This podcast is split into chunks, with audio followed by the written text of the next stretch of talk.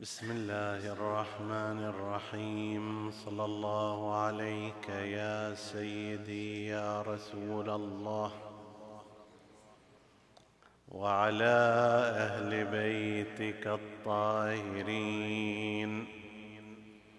صلى الله عليك يا سيدي ويا مولاي يا أمير المؤمنين.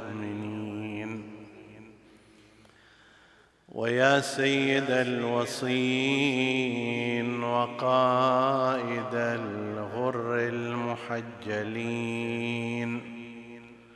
ما خاب من تمسك بكم وأمن من لجأ إليكم.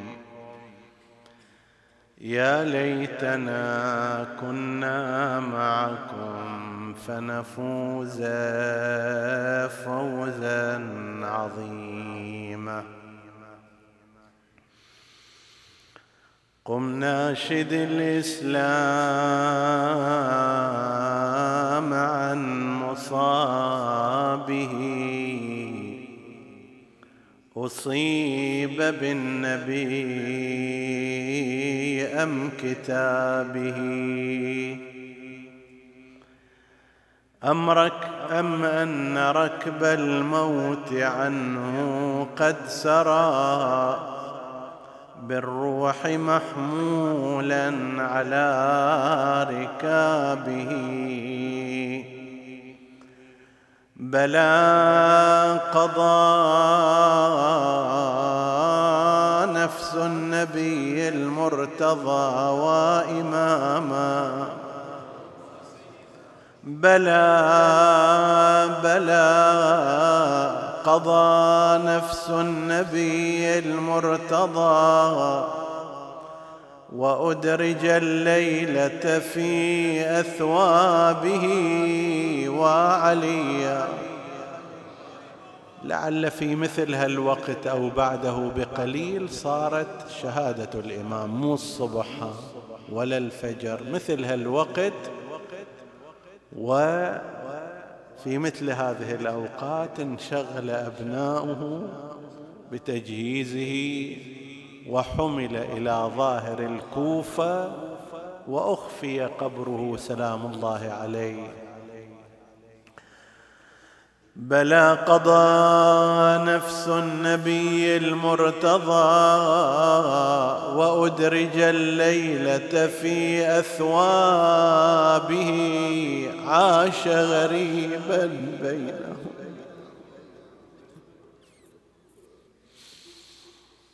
عاش غريبا بينهم. وقد قضى بسيف أشقاها على اغترابه. غادره ابن ملجم ووجهه مخضب بالدم واماما فاصفر وجه الدين لاصفراره. وخضب الإيمان لاختضابه. تنزل الروح يعني ليلة القدر الملائكة نازلين والروح صاعدة. تنزل تنزل الروح فوافى روحه صاعدة. شوقا إلى ثوابه. فضج والأملاك فيها ضجة. ماذا تقول تلك الملائكة؟ تهدمت والله أركان الهدى. وانفصمت العروة الوثقى. قتل ابن عم المصطفى قتل علي المرتضى أيوا سيدا. ويزعمون حين طلوا دمه في صومهم قد زيد. في ثوابه والصوم يدعو كل حين معلنا. قد نضحوا دمي على ثيابه. أنا وأنت والجميع نخاطبهم قتلتم الصلاة في محرابها. قتلتم الصلاة في محرابها. قتلتم الصلاة في محرابها. يا قاتليه وهو في محرابه. وشق رأس العايد سيف جوركم. مذ شق منه الرأس في ذبابه. لكنما الأمر لله لا حول ولا قوة إلا بالله العلي العظيم. إنا لله وإنا إليه راجعون. قال مولانا أمير المؤمنين سلام الله عليه. والله لو أعطيت الأقاليم السبعه بما تحت أفلاكها على أن اعصي الله في نملة اسلبها جلب شعيره ما فعلت وإنما دنياكم عندي وإنما مثل دنياكم عندي كمثل ورقة في فم جرادة تقضمها. صدق سيدنا ومولانا أمير المؤمنين صلوات الله وسلامه عليه. عطروا مجالسكم بذكر محمد وآل محمد.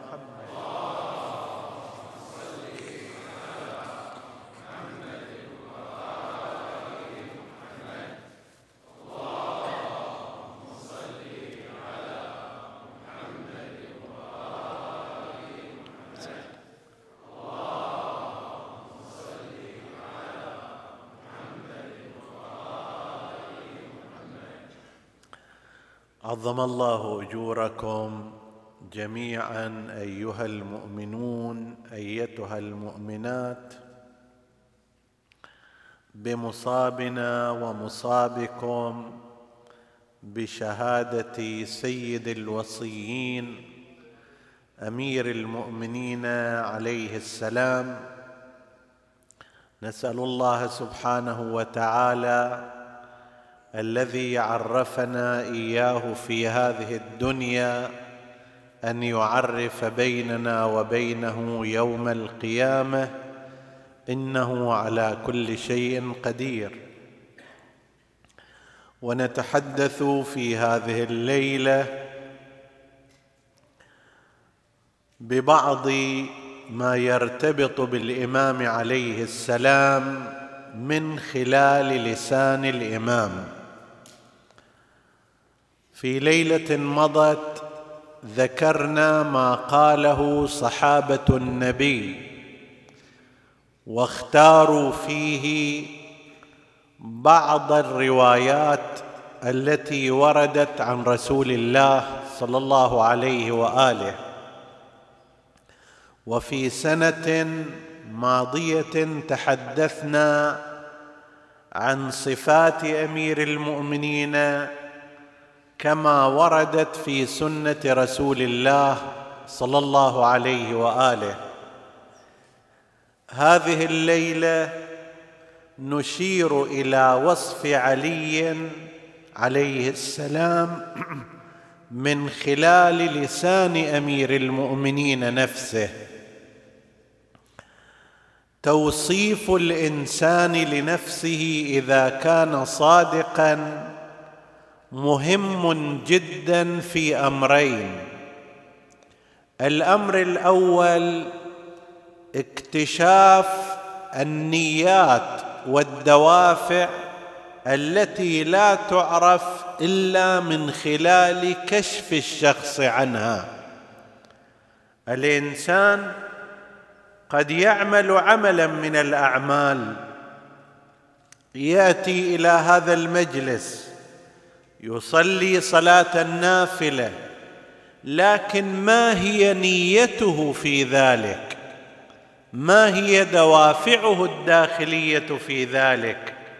لا أستطيع أنا ولا أنت ولا سائر الناس أن نعرف دوافع الإنسان في أعماله ونياته في أفعاله. إلا إذا كان ذاك الرجل صادقا وقال نيتي ودافعي في هذا الأمر هو كذا وكذا. عندئذ نعرف دافعه ونيته لأنه هو الذي كشف والفرض أنه صادق فيما يقول. وأما لو لم يكن هذا الطريق فإما لازم الإنسان يكون عنده اطلاع على العلم الغيبي. وهذا في عامة الناس غير موجود. أو أن يتكهن هذا جاي إلى المسجد رياء جاي إلى الحسينية كذا وكذا وهذا تكهن لا دليل عليه. لذلك عندما يكون الإنسان صادقا ويقول أنا جئت إلى هذا المكان بهذه النية نتعرف عندها على نيته وغرضه ودافعه الداخلي. لهذا مهم أن يتحدث الإنسان الصادق عن نفسه. جهة الجهة الأخرى أن الأفعال في تحليلها تحتمل أمورا مختلفة. وأفضل إنسان يستطيع أن يفسرها هو فاعلها وأن يربطها بما قبلها وما بعدها. مثلا قعود أمير المؤمنين عليه السلام عن المواجهة مع الخلافة بعد وفاة رسول الله صلى الله عليه وآله. هذا في احتمالات كثيرة. قد يأتي إنسان مخالف لنا ويقول هذا يدل على أن الإمام معترف بصحة هذه الخلافة ولذلك لم يقاومها. يأتي شخص آخر يقول لا الإمام نعوذ بالله كان خائفا منهم هم أشجع منه وأقوى منه فاذا هو خائف من المواجهة. هذا احتمال. لما يجي الإمام نفسه ويقول حتى إذا رأيت راجعة الإسلام راجعة الناس قد رجعت عن الإسلام يدعون إلى محق دين محمد صلى الله عليه وآله. فخشيت أن يثلم في الإسلام ثلم يكون فوات ولايتكم هذه أهون علي منه. صار لا هنا الموضوع اختلف. ليست القضية أنه معترف بإمامة من سبقه وبصحة خلافة من تولاها ولا أنه خائف ومتراجع عن المقاومة وإنما لجهة حفظ الإسلام كما قال بنفسه. فهذا يتبين لك أهمية أن يتكلم الشخص عن أفعاله وعن نياته وعن أغراضه. وقد حصل هذا بالنسبة إلى أمير المؤمنين عليه السلام بل قد حصل أيضا حتى لرب العزة والجلالة ربنا سبحانه وتعالى. الله في القرآن الكريم تكلم عن ذاته المقدسة وعن أفعاله وما يريد. عرف نفسه فقال إنني أنا الله لا إله إلا أنا فاعبدني. تحدث عن فعله مع آدم إني جاعل في الأرض خليفة. مع فعله بالنسبة إلى إبراهيم إني جاعلك للناس إماما مع عيسى إني متوفيك ورافعك الي وهكذا مع نبينا المصطفى محمد.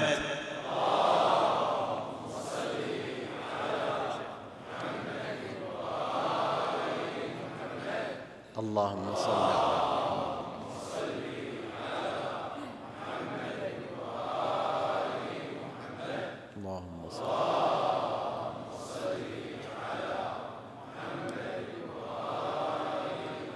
مع رسول الله صلى الله عليه وآله فقال قل يا أيها الناس إني رسول الله إليكم جميعا تحدث إلى الناس على هذا الأساس.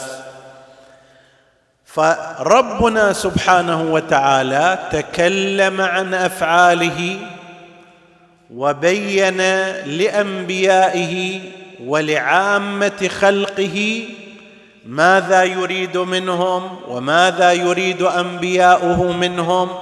لنفس الأنبياء أيضا تحدث كل واحد منهم كثيرا عما يريده من الناس وعما هو قادم إليه وهادف إليه.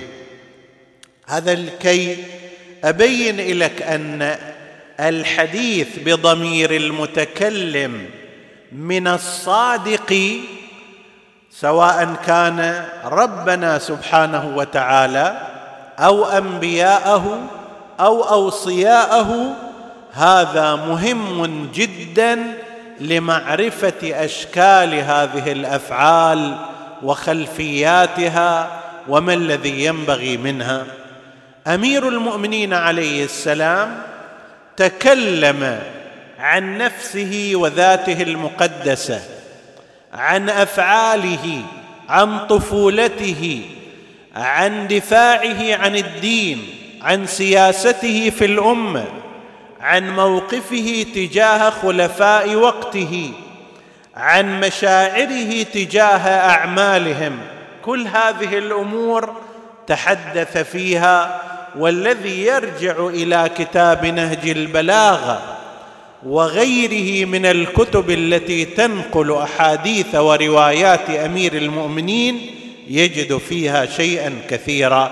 نحن نشير إلى ذلك بعض الإشارات العابرة لكي لا يضيق بنا الوقت. أول ما يبدأ رسول الله أول ما يبدأ أمير المؤمنين عليه السلام يشير إلى قربه من رسول الله. صلى الله عليه وآله. ماذا يقول؟ يقول ولقد علمتم موضعي من رسول الله صلى الله عليه وآله بالقرابة القريبة والمنزلة الخصيصة فقد كان يضمني إلى صدره وأنا وليد. لا يزال أمير المؤمنين عليه السلام في مرحلة الطفولة المبكرة وكان رسول الله قد أخذه يضمني إلى صدره ويشمني عرفه. أنا كنت أشم رائحة رسول الله الطيبه الأطيب من المسك كنايه عن شدة الالتصاق ويكنفني في فراشه. وكان يرفع لي في كل يوم علما من أخلاقه ويأمرني بالمصير إليه. شايف هذا اللي يريد يعلم واحد على المشي؟ من أبنائه يقول يقومه ويخلي له مكان هكذا علم أو علامة يقول له امشي إلى هنا. فإذا وصل اليه يشيله وينقلها إلى مكان آخر وهكذا يتعلم المشي. وهكذا بالنسبة إلى الذين يتعلمون الرياضة والمشي والحركة السريعة. كذلك أمير المؤمنين يقول رسول الله كان يصنع بي كذلك يرفع لي في كل يوم علما من أخلاقه. أنا تعلمت الأخلاق والسيرة والسلوك بمقاييس رسول الله صلى الله عليه وآله مو بمقاييس سائر الناس.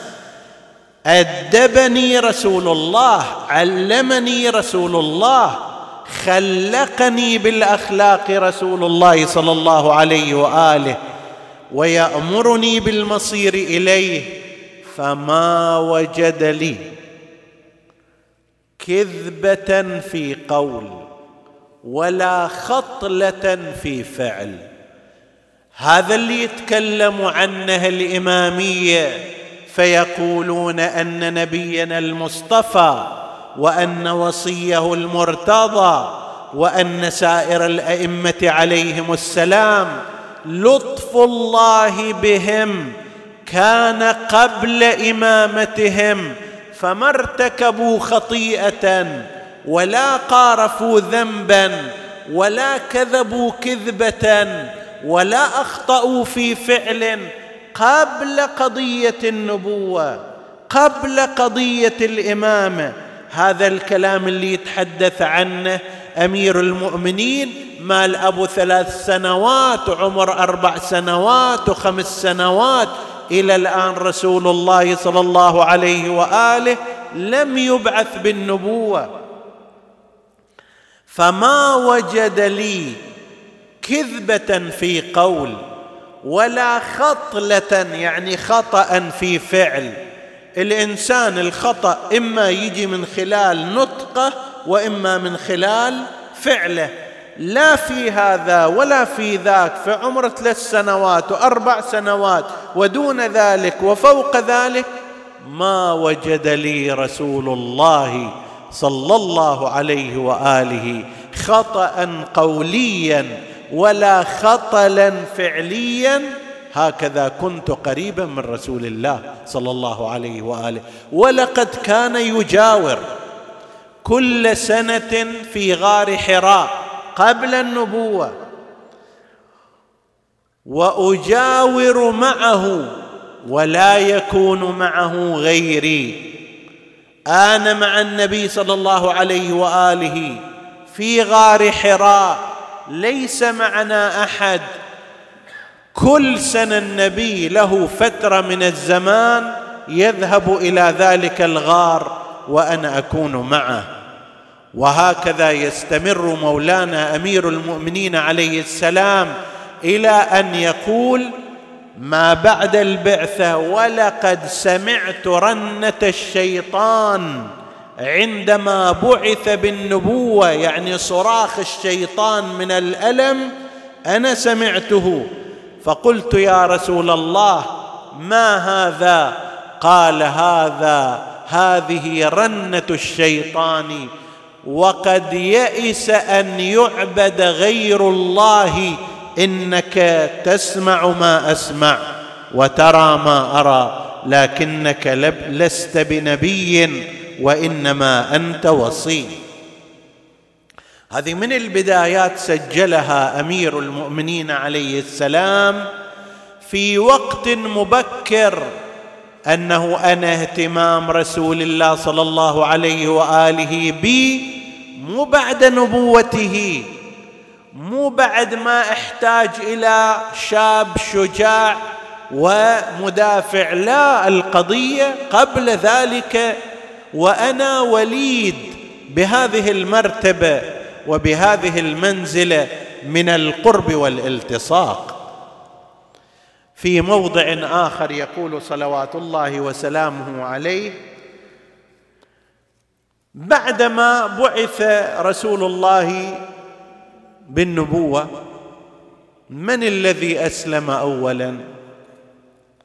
هذه مسألة أيها الأحباب لا تتصور مسألة تاريخية فقط وإنما هي فوق ذلك مسألة عقدية لأن نظام المدرسة الأخرى قائم على أساس التفضيل وأساس التفضيل هو صنع الخلافة ومشروعيتها والتفضيل أحد أركانه الإسلام اولا.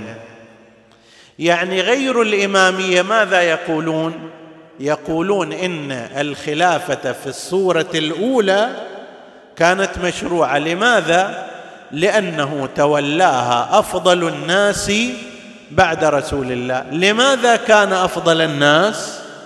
لأنه أسلم أول الناس فيجب أن يكون أفضل الناس. فإذا مشروعية الخلافه ناشئة من الأفضلية الأفضلية ناشئة من السبق في الإسلام.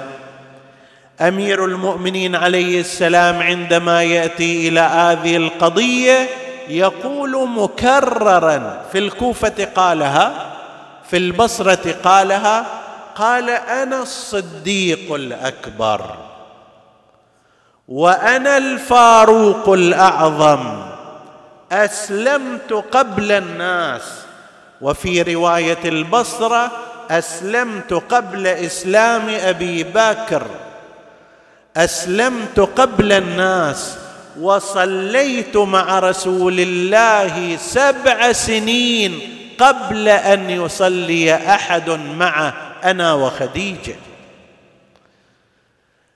إذا هذا الكلام يقوله غير علي بن أبي طالب في مجال للشك لكن الذي يقوله هو أمير المؤمنين عليه السلام الصادق وشاهد العيان وصاحب القضية يقول أنا أسلمت أول الناس وصليت قبل جميع الناس بسبع سنين.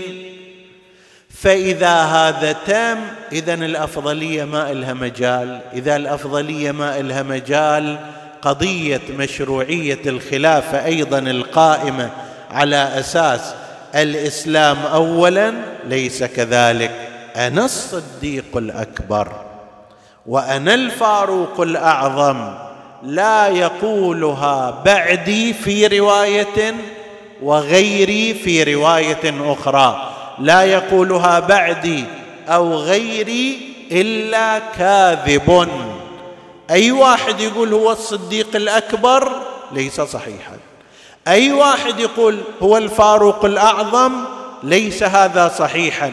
لأن الصديق يعني كثير التصديق وعميق التصديق. تمر عليه سابق إلى تصديق رسول الله. أنا سبقت الجميع. لم أتردد في أي شيء. وعمق تصديقه كان ثابتا عندي. وشاهد ذلك ما يقوله في حديث آخر. ولقد علم المستحفظون من أصحاب محمد.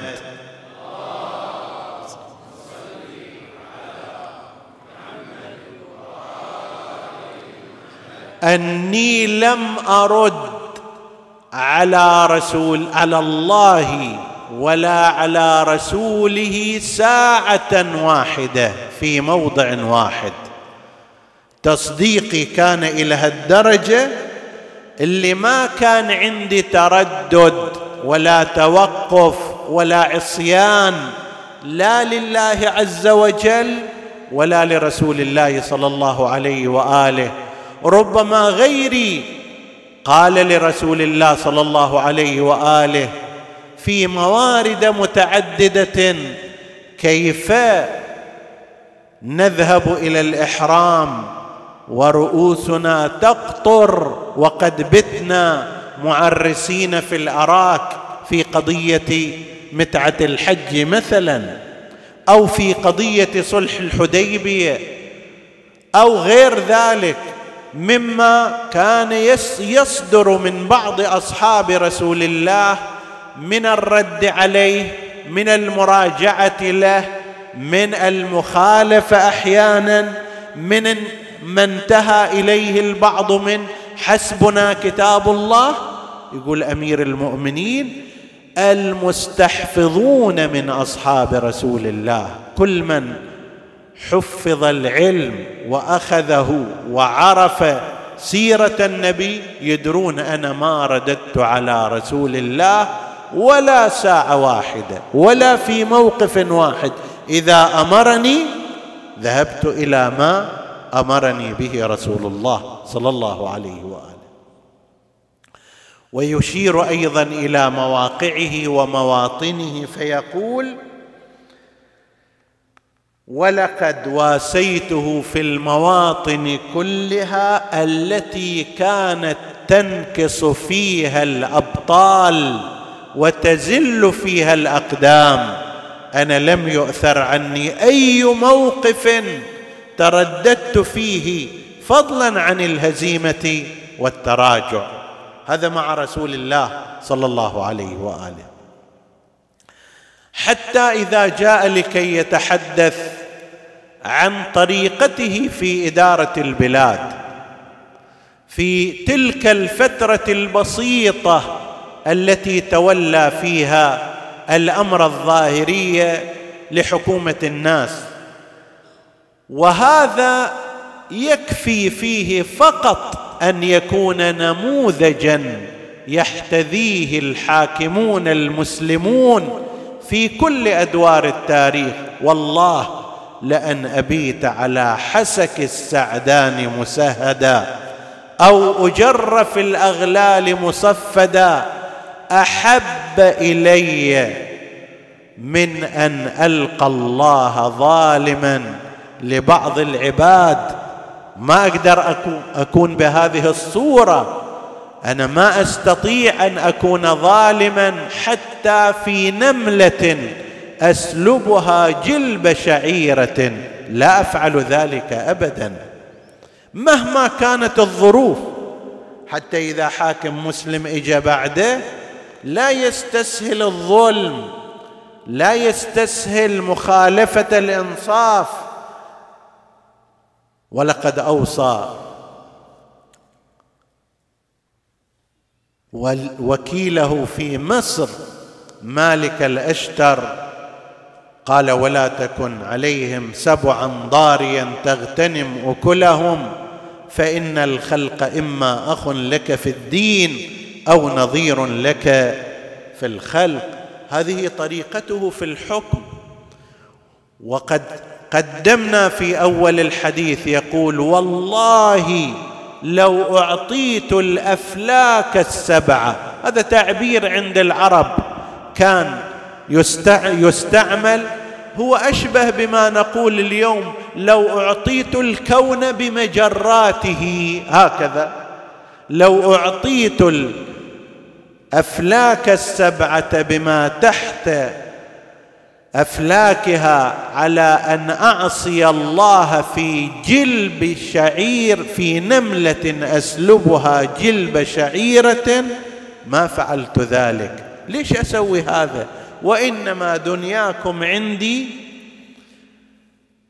كورقة في فم جرادة تقضمها الآن انت لو شفت جرادة تأكل من ورقة من أوراق الشجر. هل تذهب تنازعها على تلك الورقة؟ أصلا تتقزز منها ولا تقبل عليها. يقول دنياكم عندي هو بهذا المقدار.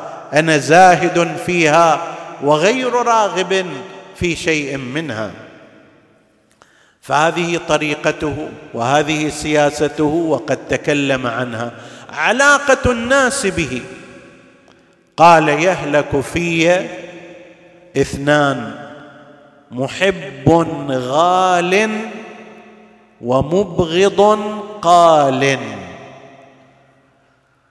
وإنما الصحيح في ذلك النمرقه الوسطى هذا الإنسان الذي يغالي في أمير المؤمنين عليه السلام ليتصور قاعد يعطيه حقه وزيادة.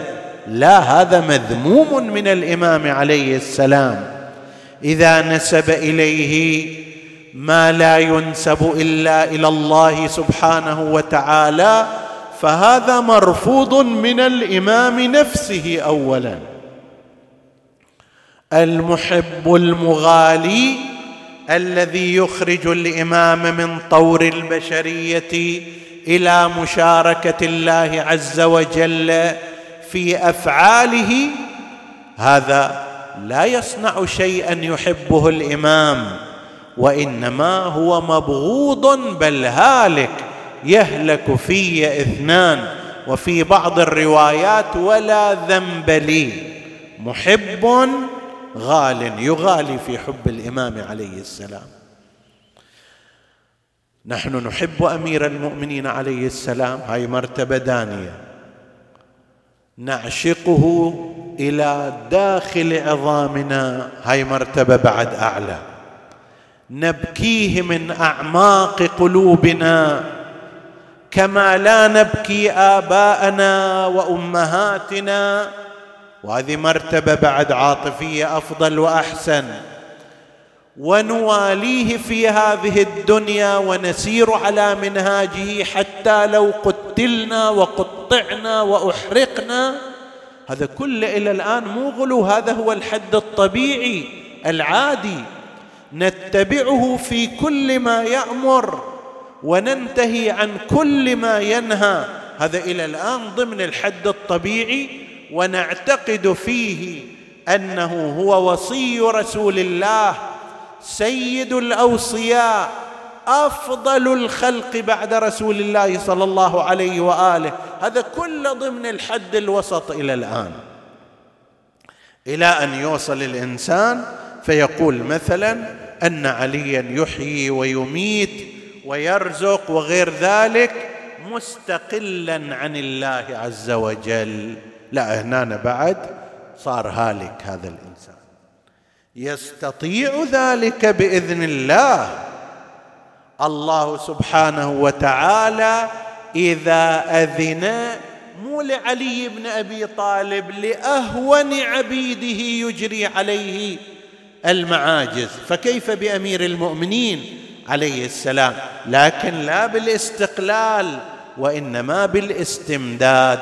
فإذا واحد وصل إلى تلك المرحلة اللي تصور أن عليا يحيي ويميت ويرزق وغير ذلك مستقلا عن الذات الإلهية هذا غلو.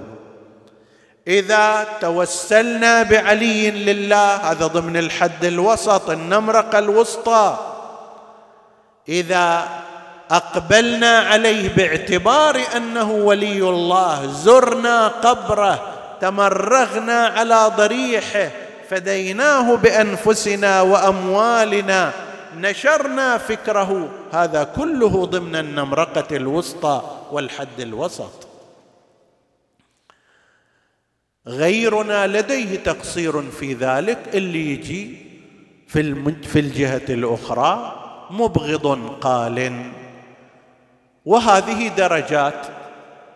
من الدرجات أن يقتل أمير المؤمنين كما صنع ابن ملجم لعنة الله عليه. هذا مبغض ساخط معادي.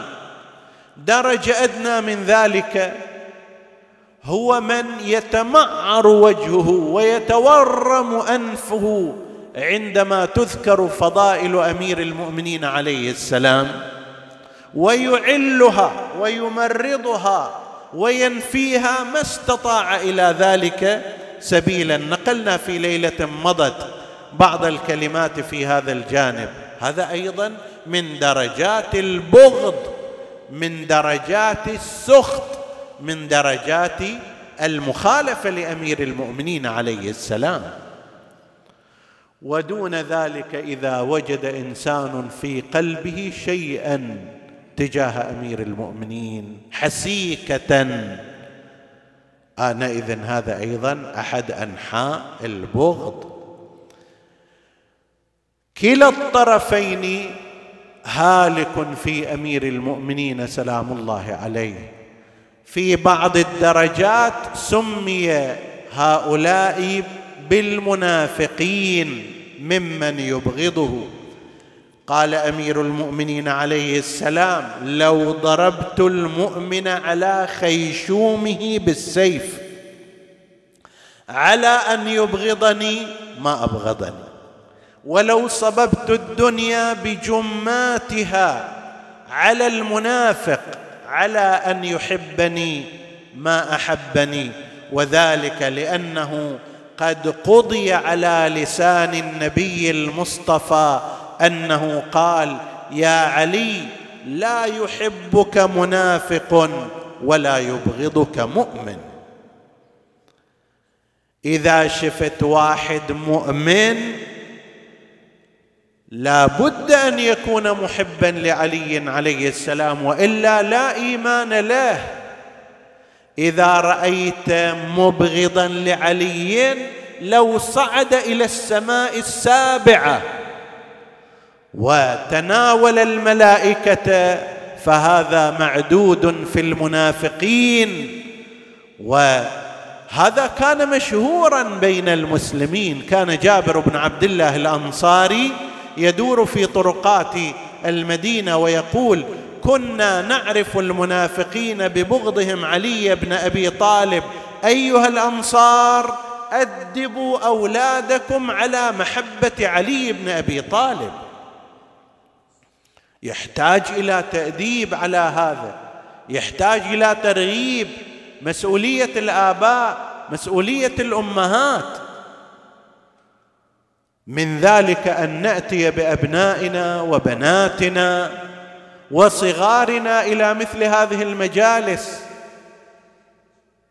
لا ينبغي بل لا يجوز لأحد أن يمنع ذلك. سمعت في بعض الأماكن جماعة يقولوا ليلة القدر أو ليالي الوفاة لا تجيبون أطفال صغار؟ إحنا نريد نقرأ دعاء نريد نخضع نريد نخشع. ليس لك ذلك. إذا هذه الأم ما جاءت بابنها وبابنتها ولأنه أنت أو انت إن شاء الله ماكو أحد من هالنوع لأن هذا يريد أن يقعد مرتاح في رأيه. ما يريد يسمع صوت هذا الطفل أو ذاك أين تذهب؟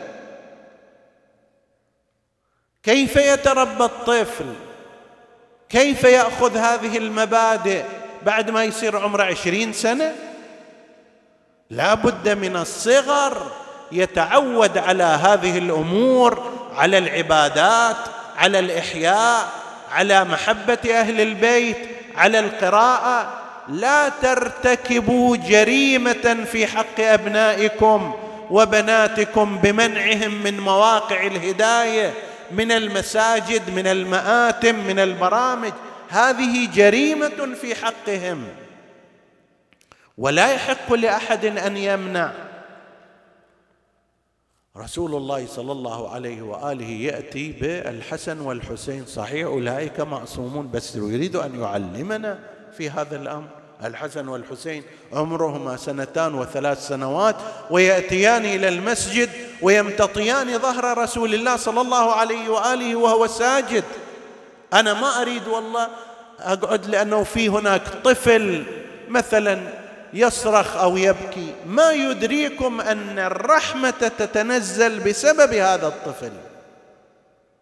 الله سبحانه وتعالى ربما لا ينظر إلى كلامي وإنما ينظر إلى براءة ذلك الطفل فيرحمه ويرحمني ويرحمنا. لا ينبغي أن يفكر أحد هذا التفكير الخاطئ. لتجيبون أحد إلى المساجد؟ لا تجيبون احد إلى المآتم لا تجيبون أطفال ليلة القدر لا تجيبون أطفال ليلة الوفاة. وين توديهم؟ إلى الآيبادات إلى الحفلات إلى اللهو إلى اللعب. متى يتعلمون؟ متى يتعودون؟ لو أنك أنت أيضا قيل لك في صغرك ولوالدتك هذا الكلام لما كنت في هذه المساجد وفي هذا الطريق وأنت كبير. نتحمل أيضا خلي الطفل لازم أبوه أمه يضبطه شوية قدر الإمكان بس لو صدر منه شيء غير مناسب أنا لازم أتحمل أيضا. هذه مسؤولية اجتماعية. فهذا من ما ينبغي لنا تجاه أمير المؤمنين سلام الله عليه وتجاه قضاياه وأموره. الحديث في أوصافه على لسانه كثيرة. من بعد وفاة رسول الله إلى سنة أربعين هجرية تكلم أمير المؤمنين بما لا أروع منه اختصارا ودقة في نقل الحدث وتحقيق المسألة في خطبته الشقشقية. تريد أن تعرف ما الذي جرى؟ اقرأ بشكل واضح الخطبة الشقشقية مع بعض شروحاتها حتى تتعرف على كلام أمير المؤمنين عليه السلام تحليل بديع ورائع في هذا الجانب. يعطيك بصيرة في أمر التاريخ ومعرفة بمواقف أمير المؤمنين وأغراضه وأهدافه. وهكذا بالنسبة إلى سائر كلمات أمير المؤمنين. أيها الإخوة أيها الأحباب أيتها الأخوات اقرأوا ولنقرأ نهج البلاغة. القرآن الكريم الحمد لله نحن نقرأه في شهر رمضان على الأقل يختمه الإنسان. مرة إذا مو أكثر من مرة. وهذا شيء حسن. وربما البعض عنده بشكل يومي بعد شهر رمضان عدة صفحات وهو مطلوب للإنسان وفي توصيات من قبل الإمام الصادق عليه السلام أن لا يترك قراءة القرآن. ولو بمقدار ما ورد خمسين آية أقل أكثر. وهذا شيء حسن. نور لقلبك. أيضا نحن نقول هلموا واقرأوا نهج البلاغة فإنه نهج الحياة نهج السيرة الطيبة. في قصار الحكم ماله فلسفه الحياة من دون أن تقرأ شيئا كثيرا حكمة الحياة.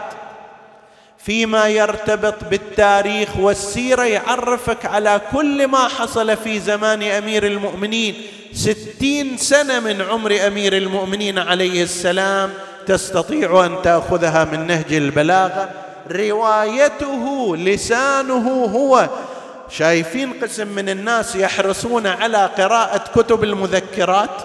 مذكرات الزعماء مذكرات العلماء مذكرات القادة. يقول لك هذا يتكلم بشكل دقيق وبالتفاصيل فإذا جاءها بشكل صادق عرفني على ذلك الوضع بشكل كامل. أمير المؤمنين في نهج البلاغة تكلم عن هذه الفترة الطويلة نحو ستين سنة من الزمان من عمر الإسلام ومن عمره صلوات الله عليه. نسأل الله أن يوفقنا وإياكم للاقتداء به واقتفاء حقه وأثره مما قال أيضا أوجز حياته في كلمات.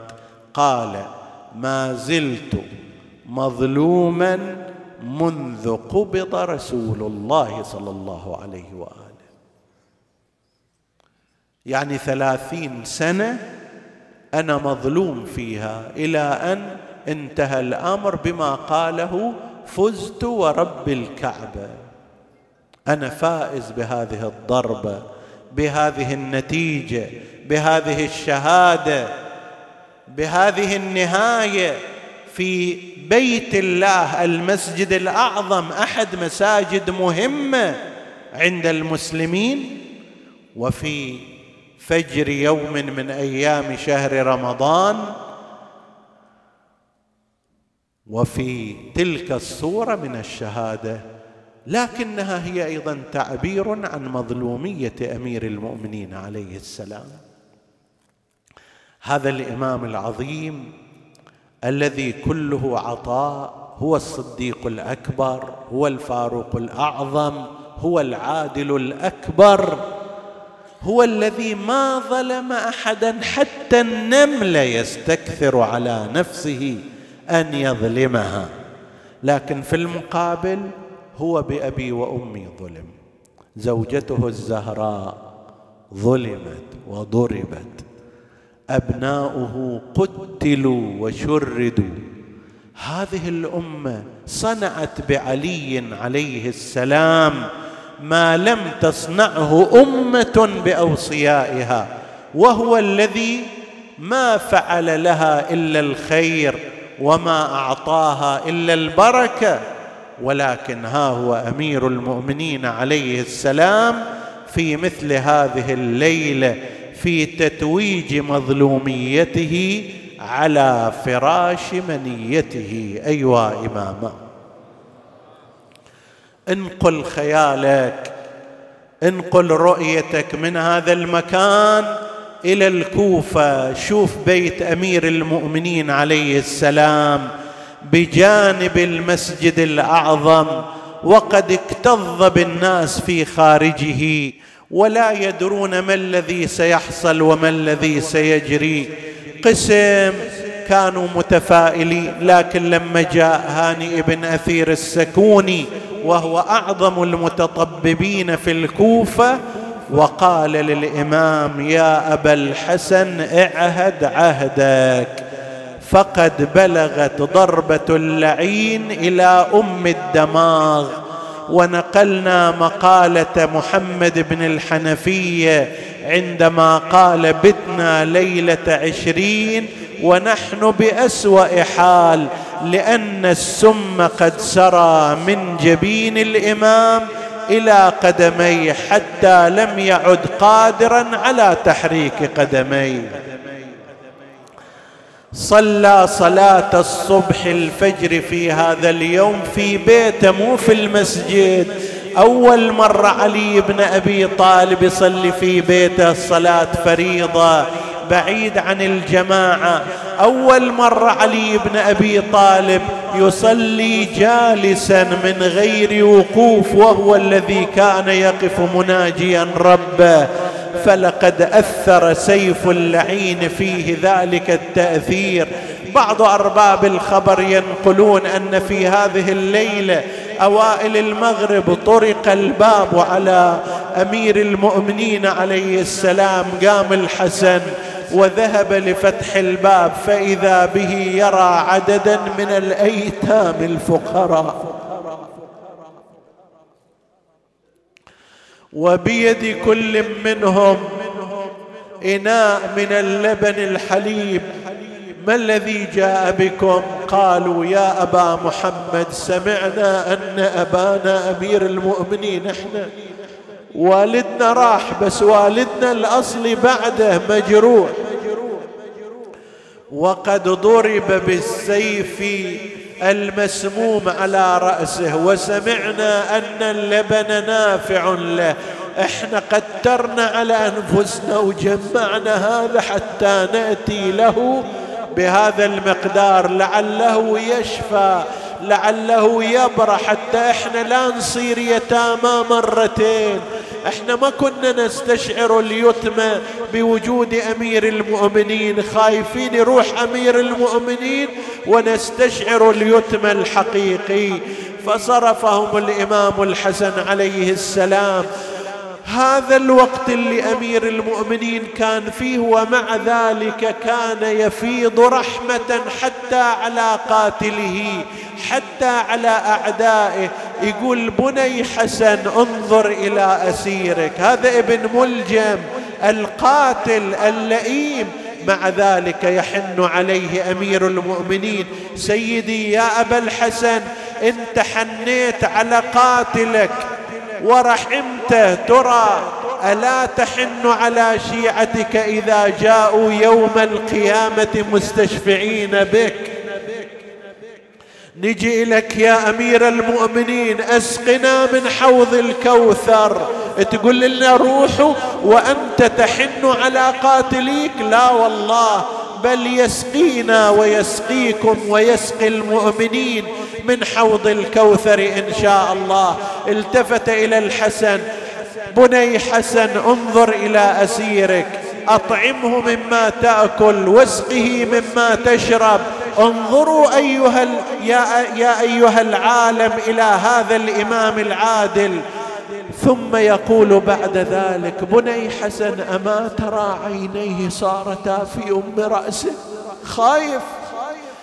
فانت خفف خوفه يا أمير المؤمنين هذا قاتلك هذا ظالم هذا يستحق العقوبة. لكن أمير المؤمنين هو الرحمة الكاملة بعد رسول الله صلى الله عليه وآله. عندها لما فرغ ذلك بدأ يوصي بوصاياه المعهوده أوصيكما وهي أوصايا لنا أيضا. أوصيكما وجميع ولدي ومن بلغه كتابي هذا بتقوى الله. ربكم وإلا تبغي الدنيا وإن بغتكما. قولا بالحق اعملا للأجر كونا للظالم خصما للمظلوم عونا. الله الله في الأيتام الله الله في الصلاة الله الله في كتاب الله الله الله في بيوت الله وصاياه المعهوده ثم أوصى. أبناءه بوصاياه الخاصة. بني حسن بني حسين كأني بكما وقد خرجت عليكما الفتن من ها هنا وها هنا. فصبرا صبرا يا بني يا حسن ويا بني يا حسين. ثم بعد ذلك التفت إلى زينب أو أم كلثوم وقال لها الحديث كما حدثتك أم أيمن كأني بكم سبايا على أقتاب المطايا في هذه البلاد فصبرا صبرا. عندها عرق جبين الإمام وتفصد جبينه عرقا قالت ابنته أبا يا أبا أرى جبينك يتفصد عرقا؟ قال لها بني نعم إن المؤمن إذا حضره الموت عرق جبينه. وبعدها سكن أنين الإمام مدد يديه ورجليه أدار عينه في أهله وبنيه. أستودعكم الله الله خليفتي عليكم. لمثل هذا فليعمل العاملون. إن الله مع الذين اتقوا والذين هم محسنون. وفاضت روح إمامنا أيوا إماما. وسيدا ومظلوما. أبناء الإمام منهم شهيد بالسيف ومنهم مسموم لكن ترى الإمام هم شهيد بالسيف وهم مسموم بأبي وأمي. تقدر تقول وشهيداه وتقدر تقول ومسموماه لأنه قد جمع عليه كلا الأمرين بأبي وأمي. ضجت العائلة كل ينادي وضيعتا باشر إمامنا الحسن والحسين في تجهيزه وشيعت جنازته في جوف الليل إلى خارج الكوفة. إلى حيث مرقده الشريف وعندما عادوا عادت معهم الوحشة وأحس الجميع بالغربة كأني بالنساء قالت العيد مجبل والحزين زايد علي. عاين الدار المرتضى منا خلي. فقد الأبو نغاص علينا هالسنة العيد. ومن الصبح باكر علي احزاني تزيد نبكي ونلطم والبكاء واللطم ما يفيد. نشبت مخالبها بحشاشتنا المنيع. محلى الأبو في العيد. لو جمع أولاده لبسهم الزينة على جاري العاد. ورفرف عليهم بالهنا طير السعاد يعم الهنا وتصير عيشتهم هنية. وإحنا أبونا قبل عيده بتسعة أيام. فارق وخلانا وصرنا بعد هيتام. وافراحنا راحت وصار العيد بالشام. باكر الناس معيدة وإحنا بعزية. قل لابن ملجمة والأقدار غالبة. هدمت ويحك للإسلام. أركانا نسألك اللهم وندعوك باسمك العظيم الأعظم الأعز الأجل الأكرم يا الله.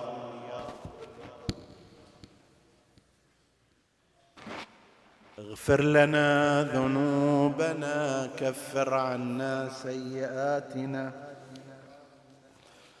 آمنا في أوطاننا لا تسلط علينا من لا يخافك ولا يرحمنا. ولا تفرق بيننا وبين محمد وآله طرفة عين. احفظ اللهم إخواني السامعين فردا فردا واقض حوائجهم اشف اللهم مرضاهم. لا سيما المرضى المنظورين ومن أوصانا بالدعاء. اللهم اشفهم بشفائك وداوهم بدوائك وعافهم من بلائك بحق محمد وآله أوليائك. وتقبل اللهم عمل المؤسسين بأحسن القبول إلى أرواح موتى المؤسسين. والسامعين نهدي ثواب الفاتحة تسبقها الصلوات.